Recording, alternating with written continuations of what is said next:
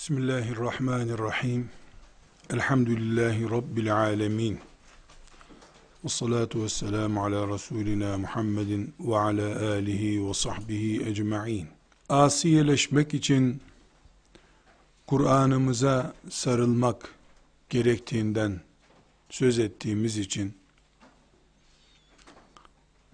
Kur'an nasıl ona sarılılır, nasıl baş tacı edinilir diye konuşmak durumunda olduk. Kur'an'ı Allah'ın en büyük emaneti olarak, imanımızın gereği olarak sahiplendik. Ancak önceki derslerde bir noktaya değindik. Dedik ki Rabbimiz muhakkak kullarını imtihan edecek. Bu imtihan kulların bağlı olmaları gereken değerler üzerinden olacak. Bir hırsız eve girdiğinde bilezikler çekmecede dururken sandalyeyi çalıp gitmez dedik. Değerli olana yüklenir. Şeytan aleyhi la'ne müminin imanı dururken kurban kesip kesmemesiyle ilgilenmez. Tırnaklarını perşembe günü mü kesti, salı günü mü kesti, şeytan için çok önemli değil. Ama imanı kuvvetli mi, zayıf mı şeytan için çok önemli. Çünkü şeytan hırsızdır. Çalarken pahalı şeyler çalmak ister. Müslümanın tırnaklarını hangi gün kestiği önemli elbette. Ama bu önem imanla ilgili konuların önemi kadar değil. Evin sandalyesi gibi bu. Hırsız onu niye çalsın? Çalacaksa pahalı şeylerden çalar. Kur'an kadar pahalı bir şey müminin hayatında olamaz. Bu sebeple mümin hırsızın girer girmez çalacağı şey olarak Kur'an'ı görür. Görmelidir. Mel'un şeytan çalarsa Kur'an'ı müminden her şeyi çaldığını biliyor. Bunu söyledik. Sonra dedik ki şeytan Kur'an'ı çalmak için çok farklı yöntemler denedi tarih boyunca. Susturun Muhammed'i, okumasın Kur'an dedi. Okuyanları kırbaçlattı. Asırlar sonra getirdi Kur'an-ı Kerim harflerini bile yasaklattı. Ezan Kur'an sesine benziyor diye onu yasaklattı çuvallara doldurulmuş musafları sirkecide denize attırdı. İnsanlar bulup okumasınlar diye. Kur'an'a açık bir zulüm, açık bir yasak getirdi. Getirtti. Adamlarını kullandı. Bunlar bütün Müslümanların bildiği şeyler. Ama tarih boyunca Kur'an-ı Kerim'e, Allah'ın kitabına göz dikmekten hiç vazgeçmedi şeytan. Yani bu göz dikme herhangi bir şekilde dayak atma, kırbaçlama, musafı yasaklama vesaire gibi şeyler olduğu her ne kadar bildiğimiz hakikatsa gözden kaçmaması gereken bir başka hırsızlık çeşidi Müslümanla Kur'an'ın arasındaki bağları zayıflatmak oldu. Direkt bırakın bu Kur'an'ı dedi, kimse onun sözünü dinlemedi. Direkt bırakın yerine, bırakmış gibi olacak politikalar uygulattı. Şeytan aleyhillâne. İşte bunlardan örnekler verdik. Resulullah sallallahu aleyhi ve sellem'den 200 sene sonra Bağdat'ta Mu'tezile'nin çıkardığı fitneden söz ettik. Benzeri fitneleri bu asırda da şeytanın oynadığını, Müslümanları ikna etmeye çalıştığını söyledik. Neticede Kur'an zarar görsün de nasıl görürse görsün. Şeytan için önemli değil. Müslüman isterse Kur'an'ı alsın, mushaf olarak sobaya atsın, yaksın, okumayacağım bunu desin. Bu şeytanı mutlu eder. Böyle yaptıramazsa şeytan rafta dursun bu Kur'an, hiç okuma ne olursun dese, peki okumayacağım dursun rafta dese, bundan da mutlu olur şeytan. Bir de bir şeyden daha mutlu olur. Kur'an'ı oku, Kur'an'ı sev, Kur'an kitabımdır de, ama kendine göre yorumla. Yahudilerin yaptığı gibi. Zevkine göre ayarla Kur'an'ı. Bundan da çok mutlu olur. Çünkü Kur'an-ı Kerim'i inkar etsen, bundan şeytan kazanır. Rafa koysan, ilgilenmesen, yine şeytan kazanır. Okusan ama keyfine göre yorumlasan, çağa göre yorumlasan, modernizasyona uğratsan, yine şeytan mutlu olur. Kazanan şeytan olur. Bu nedenle bilmemiz gerekiyor ki asiyeleşmek için Kur'an'a sarılmak lazım. Bir suresinden 114 suresine kadar ama bu sarılma Allah'ın istediği gibi olacak. Peygamber aleyhisselamın gösterdiği gibi olacak. Bir okul talebesinin ödev yapmak için ansiklopedilerden birisini kullandığı gibi Kur'an'ı kullanmak, Kur'an'a sarılmak değildir. Kur'an bütün azametiyle, ağırlığıyla müminin yüzde yüz teslim olduğu şeydir. Burada küçük bir not izah etmemde fayda var. Kur'an-ı Kerim bize inmiş bir kitaptır. Bizim zevklerimize uygun olması gerekmiyor Kur'an'ın. Biz teknoloji çağında, iletişim çağında, dünyanın globalleştiği bir çağda yaşıyoruz. Kur'an bu çağımıza ayak uydurmak zorunda değildir. Çünkü Kur'an bize iman etmiyor. Biz Kur'an'a iman ediyoruz. Bizim teslim olmamız lazım. Bundan beş asır önceki nesilde Kur'an bize uysun diyebilirlerdi. Yedi asır önceki nesilde Kur'an bize uysun diyebilirdi. Mümkün değil. Bizim çağımız moderndir. Kur'an'ı dijital ortamlara taşıdık diye, uçak kullanıyoruz diye, her şeyi dijitalleştirdik diye, Kur'an'ı kendimize uyduracak halimiz yok. Kur'an bize uymayacak. Biz Kur'an'a uyacağız. Bazı Müslümanların Kur'an'ımızdaki ayetler arasında bulunan ve bugünkü çağa uyduramadıkları bazı konular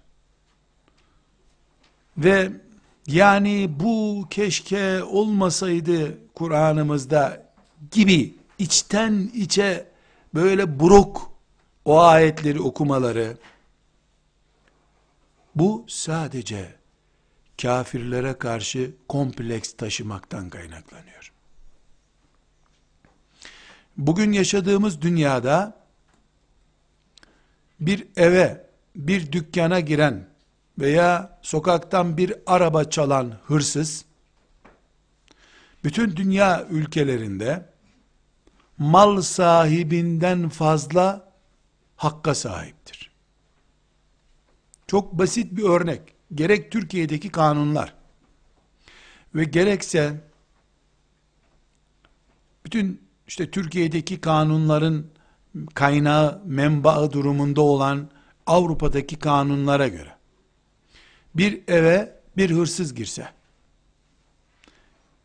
evdeki eşyalardan çalmaya başlasa evdeki kadın da can havliyle bileziklerim çalınıyor diye mutfaktan bıçağı alıp hırsıza fırlatsa hırsızın da gözüne isabet etse bıçak gözünü çıkarsa siz bu dersten sonra tanıdığınız bir avukatı arayın sorun. Kim hapse girer diye. Mahkemelerde kim sürünür diye bir sorun. Hırsızlık yapmak için bir eve izinsiz girmiş. Kadıncağızın gardolabındaki bileziklerini çalıyor. Kadın da bileziklerim gidiyor. Bu adam beni de öldürür korkusuyla mutfaktan bıçağı alıyor, çatalı alıyor, fırlatıyor adamın gözüne, gözü çıkıyor. Veya eli deliniyor. Yahut da işte damarı kesiliyor. Bir sorun bir hukukçuya. Kim sürünür mahkemelerde diye. Böyle bir anlayış var. Üç defa üst üste polis yakaladığında, karakola getirdiğinde, üç defa üst üste niye çaldın be adam dese, polis hakkında soruşturma açtırır hırsız. Üç defa üst üste hakaret etti bana diye. Hırsız, mal sahibinden daha çok hakka sahip bu dünyada bugün. Neredeyse yakın bir zamanda bütün dünyada hırsızlık yarışmaları yapılabilir. Kim daha çok çalıyor diye. İyi bir Nobel ödülü de en iyi hırsıza verebilirler. Şaşmayın. Böyle bir dünyada, dünyanın hali bu. Böyle bir dünyada, Maide suresindeki Allahu Teala'nın hırsızlarla ilgili hükmünü, ayetini okuduğumuzda olur mu böyle bir şey? Olur mu? Deyiverebilir insanlar. وَالسَّارِقُ وَالسَّارِقَةُ فَاقْطَعُوا اَيْدِيهُمَا cezaen bima keseba nekalen min Allah. Vallahu azizun hakim. Erkek hırsızın, kadın hırsızın kolunu kesin. Buradan kesin bileğinden.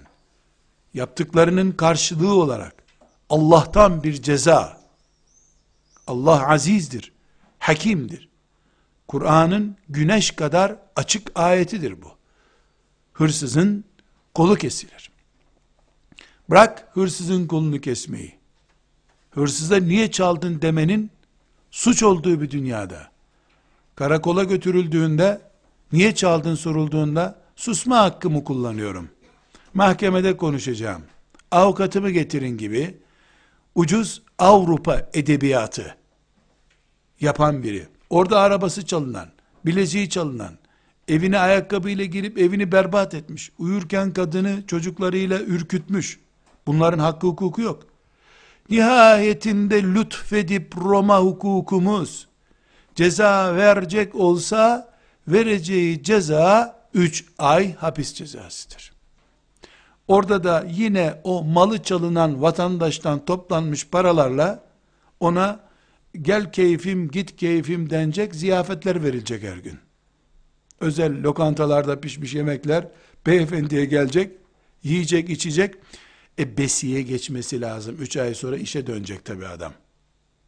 Böyle bir dünyada bu kadar komikleşmiş hak hukuk anlayışında Allah'ın kitabından bir ayet insanların aklına uymuyor olabilir. keyfine uymuyor olabilir. Hırsızların konuştuğu, mal sahiplerinin susturulduğu bir dünyada Maide suresini anlamıyor olabilir insanlar. Anlamak istemiyor da olabilirler. Ama mümin iman eden insandır. Beğenen insan değildir. Mümin bir kere iman etmiştir.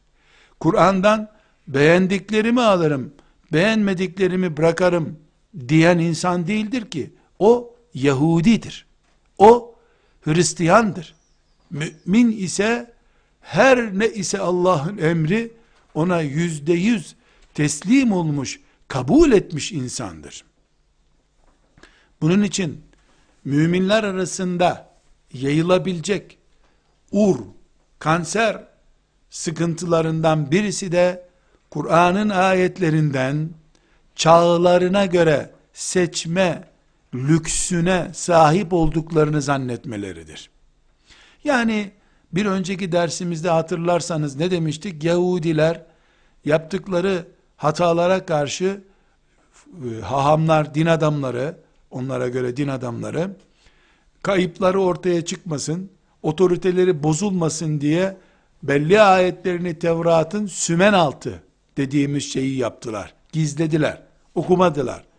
O asra, o zamana uygun bulmadılar. Zaten Musa yok. Musa olmayınca da kim soracak bize bunu? Düşündüler. Buna itiraz eden, yapmayın, etmeyin, günahtır diyen peygamberleri de anında öldürdüler. Doğruyu da söylettirmediler. Ama müminler, Kur'an'ın bir ayeti için, milyonlarcası Allah yolunda şehit olmaya hazır olmuş insanlardırlar. Musa aleyhisselamı Tih çölünde perişan eden Yahudiler İsrail oğulları değildir ümmeti Muhammed. Bütün çöllerin kumlarını yutmaya razı olur, Allah'ın bir ayetini gizlemeye razı olmaz insan Muhammed Aleyhisselam'ın ümmetinden olan insandır. Maalesef asrımızda şeytan Kur'an-ı Kerim'i zincirleterek, zindana attırarak, alimlerini idam ettirerek, okunmasını yasaklattırarak Kur'an-ı Kerim'e zarar veremeyeceğini çok iyi anladı. Çok iyi anladı hem de. Bunun üzerine yeni siyasetler uygulayarak Kur'an'ın içinden darbeler vurdurmaya çalışarak müminlerle Kur'an'ın arasındaki bağları zayıflatmak, Kur'an'a itimadı zayıflatmak yeni taktiği oldu Kur'an'ın. Kur'an düşmanı iblisin. Bu nedenle biz bugün bu musibete karşı uyanık olmak, sürekli teyakkuzda bulunmak, sürekli saldırılara karşı Kur'an'ımızı, imanımızı ve Allah'ın ayetlerini, Allah'ın Kur'an'daki hükümlerini muhafaza etmek, bu uğurda can, mal ve her şeyi feda etmek için hazır olmak durumundayız. Eğer Çanakkale'ye yığıldığında yedi düvel, yedi saldırgan hazır bekliyorduysak, yedi serseri de Kur'an'ımıza saldırmaya, onu içinden çürütmeye kalktığı zaman, tıpkı Çanakkale gibi, hatta ondan daha güçlü, kuvvetli, metin bir şekilde Kur'an'ımızı savunmaya mecburuz.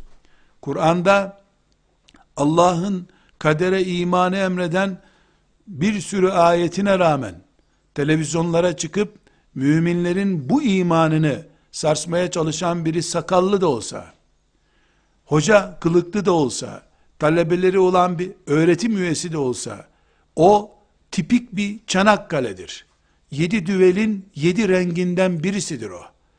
Tıpkı Çanakkale'de İstanbul'daki hilafeti savunmak için can verdiğimiz gibi müminler olarak Rabbimizin kitabından bir noktayı silmeye çalışan, o konuda bizi tereddüde düşürmeye çalışan kim ise ona Çanakkale'deki yedi düvelden biri olarak bakarız. İman budur. Müminlik bunu gerektirir. Çünkü bugün mesela, mesela kadere imanımızın Kur'an'daki ayetlere rağmen kadere imanımızın sarsılmasını çalışan, çalışan yarın Kur'an'ımızın bütününü yakmaya çalışacaktır. Düşmanın dışımızdan olduğu kadar içimizden bitmiş bir kurt olması da mümkündür. Baltanın çelikten olması önemli değil. Onun sapını ormandan yapıyor olabilirler. Bu sebeple şeytan Kur'an'ımızın ciddi bir şekilde tahrif edilmesi için yeri gelir hırsızın kolunu kesmekle ilgili ayet bu zamanda zor anlaşılıyor. Hoca efendi sessiz oku bu ayeti. Mealini vermeyi ver. Dedikleri zaman bir Çanakkale ile karşılaştık demektir. Kadere imanımızı, kadınlarla ilgili özel hükümleri Allah'ın kitabına yakıştıramaya olabilirler. Asıl yakışmayan şey onların kendileridir. Müslümanların arasına yakışmıyorlar. Allah'ın hükümleri arasında bu zamana göre ayıp sayılabilecek bir hüküm, bir ayet, bir kelime, bir satır bulunabileceğini düşünmesi bir Müslümanın en büyük gaflettir. Dileriz ki Allah'tan bunu anlamadığı için cahilliğinden dolayı yapmış olsun. Eğer böyle değilse, gafletinden, cahilliğinden dolayı değilse, satılmışlığından, başkalarının ekmeğini yemişliğinden dolayı yapıyordur o zaman. Her ne için olursa olsun, biz Allah'ın kitabını son harfine kadar savunmadıkça mümin olamayız. Ama bu savunmayı eğer biz Geleceklerde evlerimizdeki musafları toplayacaklar, Kur'an okuyan 5 yıl hapis yatacak diyecekler, hafızları asıyoruz diyecekler, böyle bir saldırı kabul ediyorsak, yanıldık. Şeytan o pazarı kaldırdı. Artık öyle saldırmıyor şeytan. Şimdi şeytan iman etmiş, namaz kılmış. Hatta Müslümanların zekatlarıyla, sadakalarıyla okuyup kimlik, ünvan sahibi olmuş birilerini kullanıyor şimdi şeytan. Herkes gözünü açmalı. Savaş değişti. Savaşın yeri değişti. Çanakkale'ydi, cami oldu. Elinde tüfekle dolaşan İngiliz askeri gitti. Onun yerine elinde kitabıyla, kalemiyle gelen Müslümanların içinden yetişmiş adamlar oldu. Sakallı oldular. Kız kız güldüler hem Müslümanların şeriatına, Kur'an'ına söz uzattılar, hem de kız kız güldüler. İçten içe güldüler. Çünkü onlar, Müslümanların kadere imanı yoktur. Kadınlarla ilgili ayetler e, yanlış yazılmıştır adeta. Veyahut da kabir azabı diye bir şey yoktur. Dedikçe Müslümanlar zekatlarını onlara yardım olarak verdiler. Televizyonlarına, gazetelerine para verdiler. Böylece düşmanını eliyle besleyen akılsız durumuna düşürdüler Müslümanları. Bu bize şunu gösteriyor. Biz Kur'an'ımızı düşmanımızdan da içimizdeki gafilden de korumak zorundayız. Düşman veya gafil kim olursa olsun Kur'an'ımızı herkesten korumak zorundayız. Bu koruma bu koruma özellikle düşmanın aleni saldırıları esnasında aleni saldırı olarak o saldırıya karşı savunma olarak olacak. Tamam. Burada bir sıkıntı yok. Ama ama bir başka saldırı çeşidi Kur'an'ı bize bugüne kadar ulaştıranlara saldırarak yapılıyor bugüne kadar Kur'an'ı bize ulaştıranlar da saldırı gördüğünde aslında Kur'an saldırı görecek. Çünkü biz bir gece uyuyorduk da sabahleyin kalktık, kalkar kalkmaz önümüzde yastığımızın kenarında bir Kur'an bulduk. Üstünde de yazıyor ki ey mümin bu Kur'an senin kitabındır bunu oku yazıyor. Böyle olmadı ki. Bu Kur'an biz doğduğumuzda ebemiz tarafından bu da seninle beraber geldi annenin karnından diye bize verilmedi ki. Bu Kur'an'ı bize bizden önceki hafızlar, alimler, Allah dostları, kendilerini Kur'an'a feda eden müştehitler, insanlar bize emanet ettiler. Şimdi bir kitap, bir hediye düşünelim. Bir hediyeyi biz kabul ediyoruz. Bu tamam bizim diyoruz. Ama bunu bize vereni yok sayıyoruz. Yanlış. Bize bunu vereni yok saymak yanlış. Nereden buldun sorusuna filancadan aldım demem gerekiyor. Filanca eğer şüpheli, sevimsiz, itilmiş birisi ise bana getirdiği şey de itilmiş olması gerekir. Hırsızdan aldığın şey senin olamaz. Hırsızın çalarak aldığı şey, gasp ederek aldığı şey ona helal olmadığı gibi sana da helal değildir.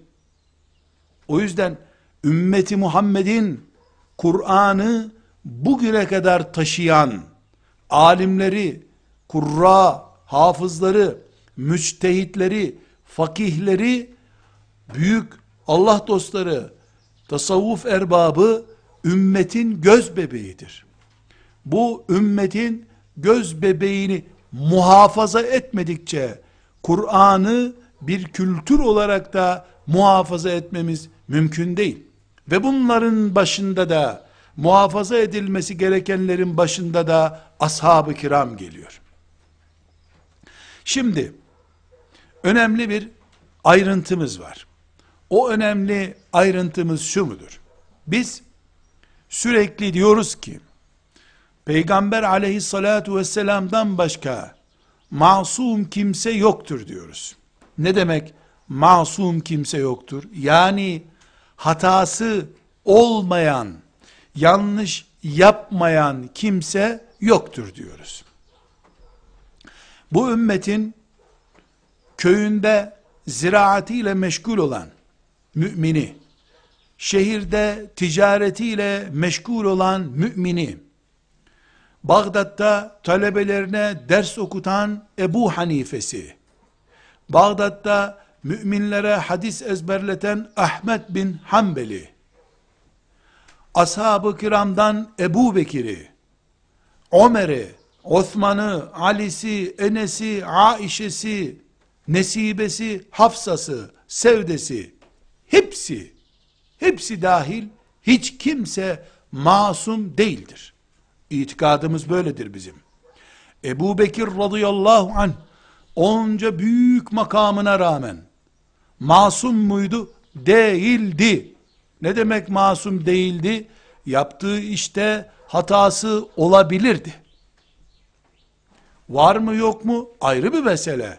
Ama karakter olarak, şahsiyet olarak, kimlik olarak ümmeti Muhammed'in en büyük adamı olan, Peygamber sallallahu aleyhi ve sellem'den sonra bir numara durumunda olan Ebu Bekir de masum değil. Yani hata edebilir bir insandır. Hata etmiş olsa bile zaten Allahu Teala onun o makamını düşürmüyor. Çünkü hataları saymak eğer söz konusu olsaydı hiç kimse cennete de giremezdi. Allah'ın lütfu ve keremiyle affettiği için, mağfiret buyurduğu için, hatalarda ısrar etmeyenlerin hatasını sildiği için insanlar mümin olup cennete girebiliyorlar. Ebu Bekir en büyük peygamberden sonraki bir numara olduğu halde radıyallahu anh hiçbir şekilde bu ümmetin içinde peygamber aleyhisselamdan başka Muhammed sallallahu aleyhi ve sellem'den başka Abdullah'ın oğlu Muhammed'den başka hiç kimse hatasız değildir. Hata etmez diye bir şey yoktur. Bu bizim en temel ehli sünnet kurallarımızdan bir tanesidir. Peki biraz önce dedik ki Kur'an'ımızı savunmak bugüne kadar bu zamana kadar Kur'an'ı bize taşıyan Kur'an'ın, huffazın, muhaddislerin, ulemanın, müştehitlerin, tasavvuf meşayihinin hepsinin prestijinin korunmasıyla mümkündür. Ebu Hanife'nin prestijinin yok sayıldığı, Ahmet bin Hanbel'in, İmam Şafii'nin, İmam Malik'in prestijinin, onurunun yok sayıldığı, onların çağa kalem bir şeyler yazar kimseler olduğunun söylendiği bir dünyada, Kur'an'ın e, azametinin korunması mümkün değil dedik. Çünkü Kur'an'ı getirenler bunlar. Kur'an sağlam getirenler yolsuzluk yapan adamlar. Mümkün mü? Elbette değil. E peki bir yandan diyoruz ki Kur'an'ı bize taşıyan ulemayı, müştehitleri başta ashab-ı kiram olmak üzere savunmak zorundayız. Onlara sataşılmasını Kur'an'a sataşma olarak görürüz diyoruz. Öbür taraftan da ehli sünnet olarak en temel prensibimiz Peygamber aleyhisselamdan başka masum yoktur diyoruz. Bir çelişki mi? Hayır, hiçbir çelişki değil. Çok net ve pratik bir sonuçtur bu. Neden? Çünkü biz çünkü biz ümmetin geçmişi başta ashab-ı kiram olmak üzere müştehitler, ulema, fukaha, meşayih olmak üzere hepsini savunuyoruz derken onların köşe, köşede bucakta kalmış, bir kitabın kenarında kalmış kişisel kanaatleri değildir savunduğumuz. Ümmeti Muhammed'in kültürü olarak bize taşıdıkları değerlere dokunulamaz diyoruz. Ebu Hanife'nin parazit kalmış, şaz dediğimiz, bir kenarda kalmış, talebelerinin bile kabul etmediği, yani en yakın talebesi Ebu Yusuf'un, İmam Muhammed'in, Züfer'in, Hasan'ın bile hocaları olan Ebu Hanife'nin filanca görüşüne uymayı kabul etmedikleri, hocamız yanlış düşünüyor dedikleri bir şeyi savunmuyoruz.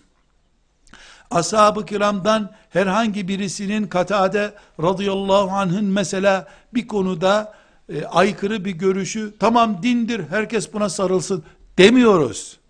Ashab-ı kiramın, fukahanın icma ettiği şeyleri, oy birliğiyle, söz birliğiyle, ümmeti Muhammed'in büyükleri olarak bu böyledir dedikleri şeyi kıyamete kadar onların üzerinden taşımak zorundayız diyoruz. Fukahanın bireysel kanaatleri din değil. Ashab-ı kiramın bireysel kanaatleri Kur'an değildir. Olmaz zaten. Ama ashab-ı kiramın topluca savunduğu şey Resulullah sallallahu aleyhi ve sellem'den gördükleri için savunduğu şeydir. Fukahanın topluca bizim itikadımız böyledir dediği şey bizim de itikadımız olmak zorundadır. En basit örneğiyle bu İngiliz kültürünün ilahiyat fakülteleri veya basın yazılı çizili kitaplar vesilesiyle Müslümanlar tarafından da benimsenmeye başlandığı zamana kadar Kur'an-ı Kerim'de kadınları üzecek bir şey vardır diyen olmamıştır. Ne zaman kadını köle gibi, hayvan gibi kullanmak isteyen batı kültürü bu sinsi düşmanlığını, kadının etini şahsiyetinden daha fazla sevdiği halde, kadının kimliğini güya hak hukuk olarak öne çıkaran batı kültürü de Müslümanlara sirayet ettikten sonra yahu kadınları üzüyor bu ayetler deyiveren cahiller çıkmıştır. Bugüne kadar batı kültürünün Müslümanlarca da makul gibi görülmeye başlandığı güne kadar ümmeti Muhammed'in icmaı, toplu kanaati, söz birliği Allah'ın kitabında kadını üzen, erkeği şımartan bir şey yoktur şeklindedir. Bugün biz Müslümanlar olarak bu toplu kültüre karşı çıkarsak Kur'an-ı Kerim'i pazarlamış, satmış oluruz. Söylemek istediğimiz budur. Yoksa Ebu Hanife'nin, Malik bin Enes'in bir kenarda kalmış, talebeleri tarafından bile benimsenmemiş bir görüşünü Kur'an diye almıyoruz biz. Malik bin Enes'i biz herhangi bir şekilde masum görmüyoruz. Ama Malik bin Enes'in etrafında binlerce müminin o asırda icma olarak ortaya koydukları hakikatları kabul ediyoruz. En basit örneklerden bir tanesi, en basit örneklerden veriyoruz. Aişe radıyallahu anhanın, Aişe radıyallahu anha annemiz, müminlerin annesi, Resulullah sallallahu aleyhi ve sellemin mübarek zevcesi, onun Resulullah'tan din öğrendiği günden bugüne kadar 1400 küsür senedir. Ayşe'den başlamak üzere.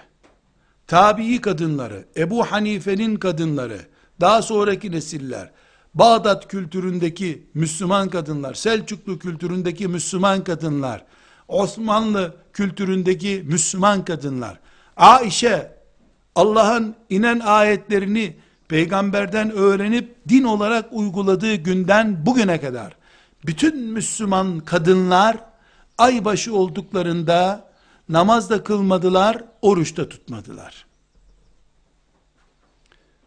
Kur'an'da açık bir şekilde kadınlar aybaşı olduklarında oruç tutmasınlar diye bir hüküm olması gerekmiyor. Niye gerekmiyor? Çünkü Kur'an uğruna hayat feda eden, Kur'an'ı yaşamak için can veren bu büyük kadro, Aişe'den radıyallahu anha itibaren bugüne kadar gelen samimi Müslümanlar arasında Rabbimizin hükmü budur diye bir itikat oluşmuştur. Bugün televizyonlarda kadınlara şirin görünmek için ve sadece müthiş keşifler yaparak ama dininden satıp, Kur'an'dan satıp, Resulullah sallallahu aleyhi ve sellem'den satıp, ashab-ı kiramı pazarlayarak, Ebu Hanife gibi ümmetin büyük müştehitlerinin değerini düşürerek, çok bilmişlikten kaynaklanan, müthiş keşifler yapıp, kadınların aybaşı durumu biyolojiktir. Herhangi bir şekilde oruca engeli yoktur gibi büyük keşifler yapmak, Aişe'den itibaren ümmeti Muhammed'in büyük önder kadrosunu yok saymaktır. Ümmetimin geçmişini yok sayanı ben de yok sayarım. Onunla bir sofraya da oturmam, bir kütüphanede de beraber ders çalışmam. Çünkü benim itikadım Aişe'yi putlaştırmak değildir. Aişe'yi masum görmek değildir. Ayşe'nin yanlış işler yaptığını Kur'an söylüyor zaten. Masum değil Ayşe. Ama Ayşe'nin oruç tutmayacaksın, namaz kılmayacaksın, aybaşı olduğunda dediği zaman karşısında binlerce Allah'ın şeriatını peygamberden öğrenmiş aleyhisselam sahabi vardı. Ayşe yanlış yapıyor demediler. Hafsa yanlış söylüyor demediler. Ümmeti Muhammed'in Ebu Hanifeleri, Malik bin Enesleri, Ahmet bin Hanbelleri bu böyledir. Kadın aybaşı olduğunda oruç tutmaz dediği zaman ne yapıyorsun sen yahu böyle bir şey yok Kur'an'da diyen olmadı. Çünkü her şey Kur'an'da olmuyor. Kur'an'ın bakın peygambere dediği peygamberde oluyor. Kur'an-ı Kerim biyoloji kitabı değil ki. Kur'an-ı Kerim ayrıntıları ihtiva eden bir kitap değil ki. Bu örneği sadece basit bir örnek olarak bu ümmetin geçmiş kültürünü oluşturan icmaını, söz birliğini, ümmeti Muhammed kültürü olarak benimsenmiş tavırlarını ihtiva eden, kararlarını rencide edenler, Kur'an-ı Kerim'in bu zamandaki sıkıntılarıdırlar. Büyük bir keşif yapıyorlar. Nedir bu keşif? Kur'an'da bunun ayrıntılarını bulamadım. Bu cahilce çıkışı cevaplandırmak istemiyorum. Neden? Kur'an'da ayrıntısını aramaya kalkarsak namazdan da kurtuluruz. Oruçtan da kurtuluruz, haçtan da kurtuluruz. Şirin bir İslam çıkar ortaya. Cici, kimseyi üzmeyen, batılıları memnun eden bir İslam çıkar. Hırsızın kolunu kesme, kadına dokunma, çocuğa dokunma, katile dokunma, zinaya dokunma, eh şükür be namaz da yok, orucu da yapabildiğin kadar bereket versin. Böyle bir Yahudilik kaldırıldı işte. Böyle bir Hristiyanlık kaldırıldı işte. Ama Allah'ın kitabını hiçbir zaman kimse bu şekilde tahrif edemeyecek. Evet, fitne çıkaranlar çıkacak. O fitne çıkaranlar televizyonda dekorlu odalarda ve salonlarda konuştukları için, edebiyatlı şirin laflar ettikleri için aldananlar, inananlar olacak elbette. Neden? Çünkü cehennem de dolacak. Cehennemi de dolduracak Allah. وَلَقَدْ ذَرَأْنَا لِجَهَنَّمَ كَثِيرًا مِنَ الْجِنِّ وَالْاِنْسِ Eee cehennemde dolacak. Kafirlerle mi dolacak? Peygamber aleyhisselamı kendi kulaklarıyla dinledikleri halde, kendi gözleriyle gördükleri halde iman etmeyenler olmadı mı? İman ettik dedikleri halde aslında kalpleriyle iman etmeyip Medine sokaklarında serseri köpekler gibi dolaşan münafıklar olmadı mı? Muhakkak bu asırda da kıyamete kadar bütün asırlarda da olacak. Buradan bir noktaya geliyoruz. Dedik ki Kur'an'ımız silahlı saldırılara, zincirlere, kırbaçlara muhatap olduğu gibi toplanıp toplanıp mushaflar sahilde denize atıldığı gibi kağıt fabrikasına hamur yapılması için gönderildiği gibi hatta ve hatta vagonlara doldurulup kağıt yapılmak üzere Bulgaristan'a satıldığı gibi bir zamanlar Bulgaristan'da kağıt hamuru yapılsın diye satıldığı gibi böyle saldırılar nasıl gördüyse Kur'an'ımız içten içe ona iman ettiğini söyleyenler arasında da Kur'an'ımız muhakkak saldırı görecektir. İlk zamandan beri bu manzara vardır. Şimdi biz bir noktasına bunun dikkat etmek istiyoruz. O nokta şudur. Kur'an-ı Kerim'in ashab-ı kiramla bağının zayıflatılması. Ashab-ı kiram radıyallahu anhum cemiyen başta Übey ibn Ka'b en büyük hafızları. Ebu Musa el-Eş'ari en güzel Kur'an okuyanları. İbn Mes'ud Ali bin Ebi Talib radıyallahu anhum cemiyan. Fakihleri Kur'an'ın alimleri olarak. İbn Ömer Kur'an'ın fihristi adam olarak. En başta bunlar olmak üzere. Ashab-ı kiram Kur'an'la bağlı olduğumuz ilk halkadır. Ashab-ı kiramı kaldırdığımız zaman bu ilk halka gider avize düşer. Avizeyi tutan bir zincir var. Bu zincirde 20 tane halka var diyelim. Çok sağlam bunlar. Ama avizeyi tavana bağlayan ilk halka koptu.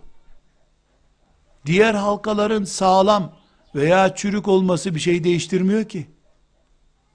Gitti, avize gitti. Ebu Hanife ne kadar kıymetli olursa olsun, İbn Mesud olmadığı sürece Ebu Hanife'nin kıymeti yok. Filan hafız çok değerli olabilir. Elimizdeki Kur'an'a biz çok saygı gösteriyor olabiliriz. Ashab-ı kiram Kur'an'ı bize veren insanlardırlar.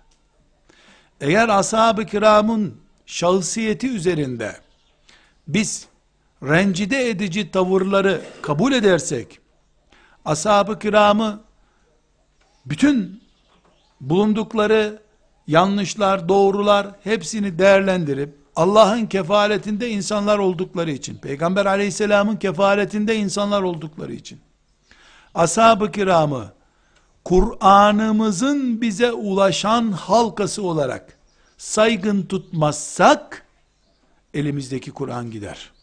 Durur, Kur'an durur. Ama İbn Mesud'u, Enes İbn Malik'i, Aişe'yi, Hafsa'yı, Ebu Bekir'i, Ali'yi tenkit ettiğimiz bir ortamda talebelerimize, çocuklarımıza şimdi de Kur'an oku bakalım.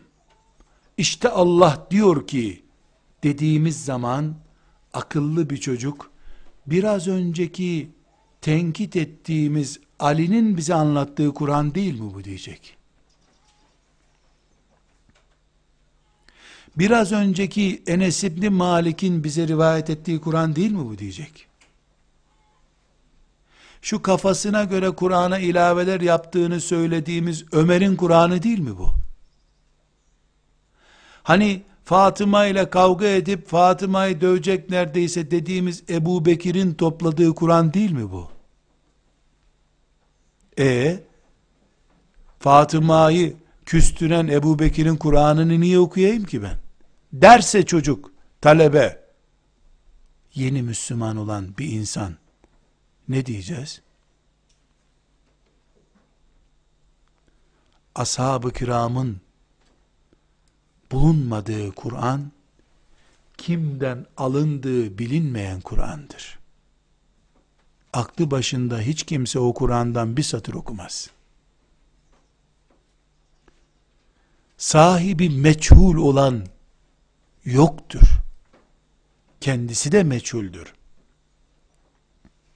Bunun için ashab-ı kiramı irdelemek, karıştırmak, temiz niyetin sonucu olamaz hiçbir zaman.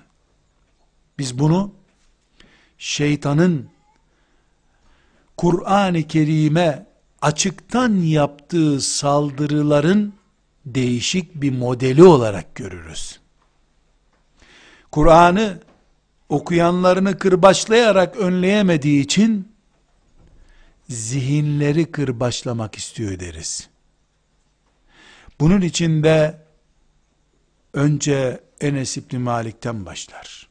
Ömer'den başlar. Ömer, Enes, Ayşe asla ve kat'a put değil. Yanlış olmayan insanlar değil. Masum değil. Ama ashab-ı kiramın topluca koydukları tavır dindir. Onların icmaı yani bir konuda söz birliği yapmış olmaları ciddi bir şekilde bizim için dindir. Topluca helal dedikleri helaldir. Haram dedikleri de haramdır. Böyle inanıyoruz. Aradan 1400'den fazla yıl geçtikten sonra Aişe'nin, Ömer'in, Ali'nin, Hafsa'nın Kur'an'dan anlamadığını bu kadar büyük zaman diliminden sonra anladığını söylemek bir insanın komik olmasıdır. Onu dinleyenler ondan daha komiktirler. Ona inananların aklı yoktur. Hadi bu keşif yaptığıyla aldanıyor. Kendisini müthiş bir keşif yapmakla teselli ediyor. Ona inananlar neyle aldanıyorlar ki? Ümmeti Muhammed kitabını en büyük imtihan konusu olarak bilecek. Bu imtihan şeytan tarafından saldırı Çanakkale türünden de olabilir. Kur'an mahluktur, yaratıktır diyen mutezile fitnesi türünden de olabilir. Her birine sahip çıkmak zorundayız. Kur'an'ı anlama mücadelemiz, gayretimiz, bir önceki müfessiri aşılamaz kabul etmek değildir. Filanca müfessir, Kur'an'ı tefsir etti. Bundan sonra kıyamete kadar kimse tefsir etmesin demiyoruz. Herkes gayret etsin. Terbiyesini koruyarak ama. Ashab-ı kiramı çiğnemeden. Ashab-ı kiramı yok saymadan. Ashab-ı kiramı yok sayanı, basit göreni biz de basit görürüz. Yok sayarız. Neden? Çünkü gayet iyi biliyoruz ki ashab-ı kirama dil uzatmak ashab-ı kiramı rencide edecek müminlerin gözünde basit düşürecek Kur'an-ı Kerim'i anlamamızda hafife alacak bütün düşünceler ve tavırlar sonunda Resulullah'ın makamına dil uzatmak içindir. Sallallahu aleyhi ve sellem. Çünkü şeytan bir projeyi asırlarca planlayarak yapar. Akıllı, kurnaz, dikkat çekmeyecek sinsi yöntemlerle yapar. Direkt Allah yoktur de haşa demez. Bu niye böyle diye sorar. Direkt peygamber yanlış söyledi demez. Peygamber kendi zamanına ait yorumlar yapmış der. Görünürde peygamberi kabul ediyor gösterir. Ama içini açtığında koca bir inkar çıkar karşına. Ebu Hanife ile ve ümmetin müştehitleriyle uğraşmak, Hasan Basri'yi çiğnemek içindir. Tabi'in neslini çiğnemek içindir. Tabi'in neslini kıyma makinesine koyduktan sonra ashab-ı kiram sıraya gelir. Hazmede ede, çiğneye çiğneye, lokmalaştırıp yuta yuta gitmek şeytanın karınadır. Ve Müslümanlar cüret edip Ebu Bekir'e, Ömer'e dil uzatmaya başladıkları zaman bu Ömer'in kanaati sanki İmam Hatip Lisesi'nde bir öğretmen sanki köy camisinde bir imam Ömer'in kanaati bu bu Ömer'in kanaati dediğin adam Resulullah sallallahu aleyhi ve sellemle 20 yıl talebe ilişkisi kurmuş bir insan. Sen ise sen ise dişleri sigaradan kirlenmiş bir hocanın belki de talebesisin. Sen karnene iyi not almak için ders dinleyip imtihana girip hoca oldun, yazar oldun, çizer oldun. Ömer ise Cebrail'in günübirlik karne verdiği bir okulun talebesi. Ağzından Ömer'in yanlış bir şey çıkmasına gerek yok. İçinden geçirdiği duyguları bile Cebrail'in gelip yanlış düşünüyor bu adam dediği bir medresenin talebesi. O bir kanaat kullanıyor. Sen bir kanaat kullanıyorsun. Seninki sırf televizyon ekranlarında söylendiği için, şu kadar basılmış bir kitapta söylendiği için, popüler olduğu için değerli oluyor. Ömer'in dediği ise tarihte kalmış Ömer'in şahsi kanaati oluyor. Kabul ediyoruz. Ömer'in şahsi kanaatidir bu. Toplu kanaat değilse Ömer'in kanaati zaten. Neden Ömer senden değerli değil onu merak ediyorum. Akademik kimliği olmadığı için mi? Medya görevlisi olmadığı için mi? Ramazan günü yedi yıldızlı öbür salonunda alkol bulunan lokantalarda iftar vermediği için mi? Ömer. Ömer, sabaha kadar teheccüd kılıp gözyaşı akıttığı için mi senden daha değerli kanaatleri olmuyor? Kabahatin Ömer'in. Nesi eksik Ömer'in Müslümanlık olarak? Veya Ali'nin veya Enes'in veya Ayşe'nin. Hayır. Sen de biliyorsun ki sen Ömer'in yanında tartılsan hiç bile değilsin. Hiç bile değilsin. Balonun içindeki hava kadar bile değerin yok Ömer'le tartıldığında. Ömer hakkında ayet inmiş. Allah'ın eli onun eli üstündedir denen adamlardan birisi. Ne ederseniz edin bundan sonra Allah affetti sizi denen adamlardan biri Ömer. Bedir ashabından. Ömer'in kanaati ve senin kanaatin. Bu karşılaştırma şeytanın bir zaman sonra peygamberin kanaati ve senin kanaatin dedirtmek içindir. Bir zaman sonra peygamber dedi ama ben böyle düşünüyorum diyen sevgili Müslümancık olmak için şeytan seni hazırlıyor. Şimdilik rakibin Ömer. dünkü rakibinde Ebu Hanife'ydi zaten. Bir önceki rakibin de İskilipli Atıf'tı. Onu yok saymıştın. İskilipli Atıf'ın iştihadı yanlıştı. Şapka giyse kurtulurdu demiştin beyefendi. İskilipli gibi şehidi çiğnedin.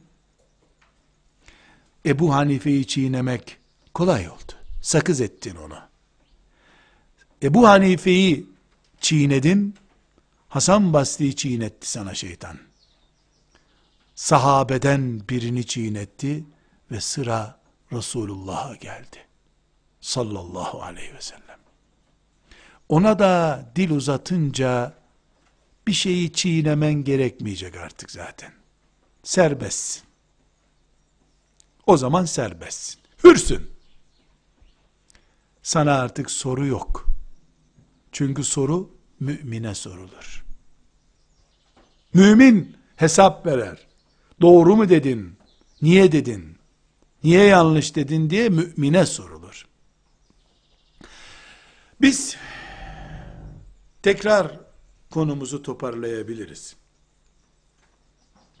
Asiye olmak istiyoruz. Bunun için Tehrim suresinin hareminde yürümek istiyoruz. Tahrim suresi Kur'an'ın surelerinden bir tanesi sadece. Bir ayeti, bir suresi Kur'an demektir. Ha bütünü, ha bir ayeti, ha bir suresi. Böyle iman ediyoruz. Bu nedenle Tahrim suresine başlamadan önce Kur'an itikadımız, Kur'an imanımız nedir? Bunu bir görüşelim. Bunu bir anlayalım.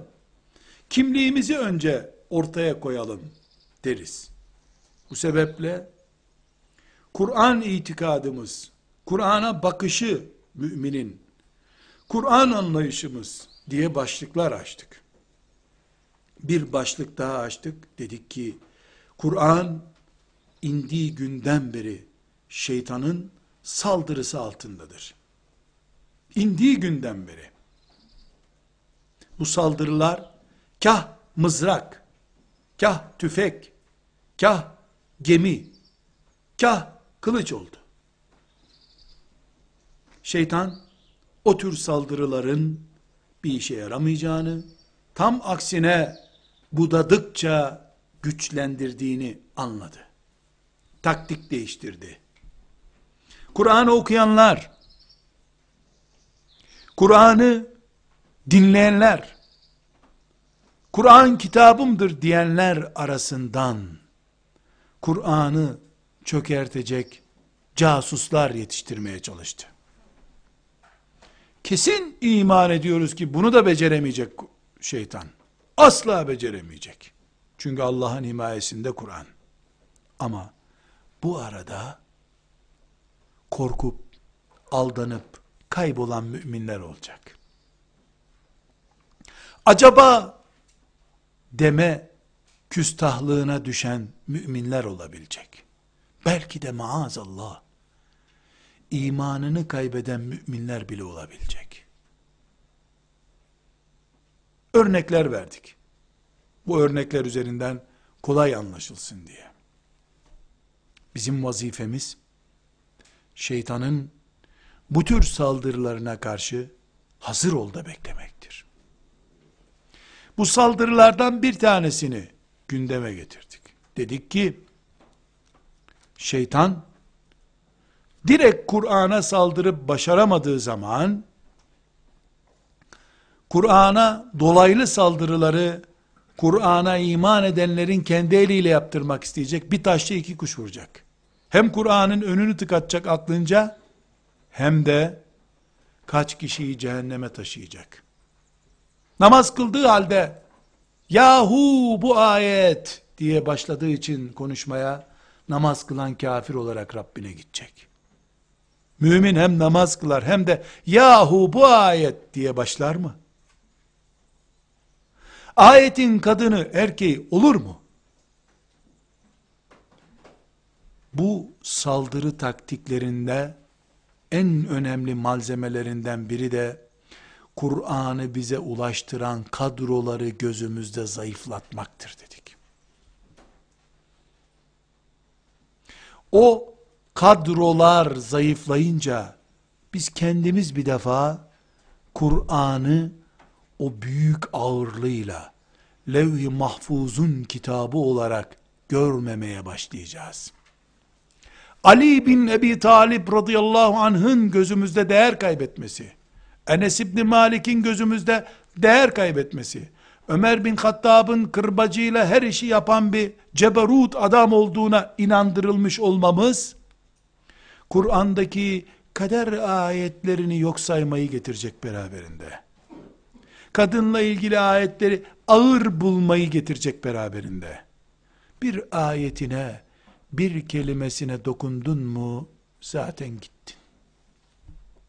Bunun için, asiyeleşmek, asrın mücahidi olarak Allah'a kavuşmak isteyen, putlaştırmadan, masum görmeden, başta ashab-ı kiram olmak üzere, ümmetin geçmişine sahip çıkacak.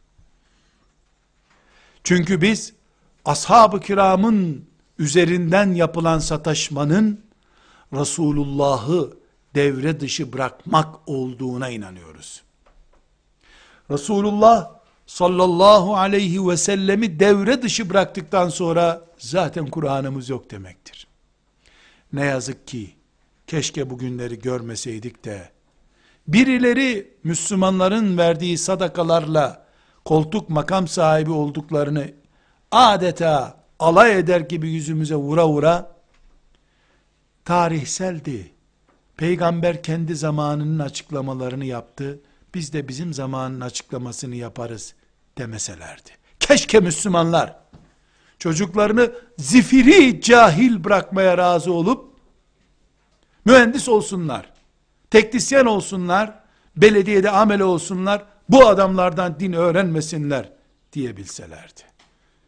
Böylece de bize dinimiz üzerinden planları olan güçlerin yürüttüğü fakülte bilmem ne ekollerinin protesto edildiğini görüp bu tuzağı geri almayı akıl etselerdi.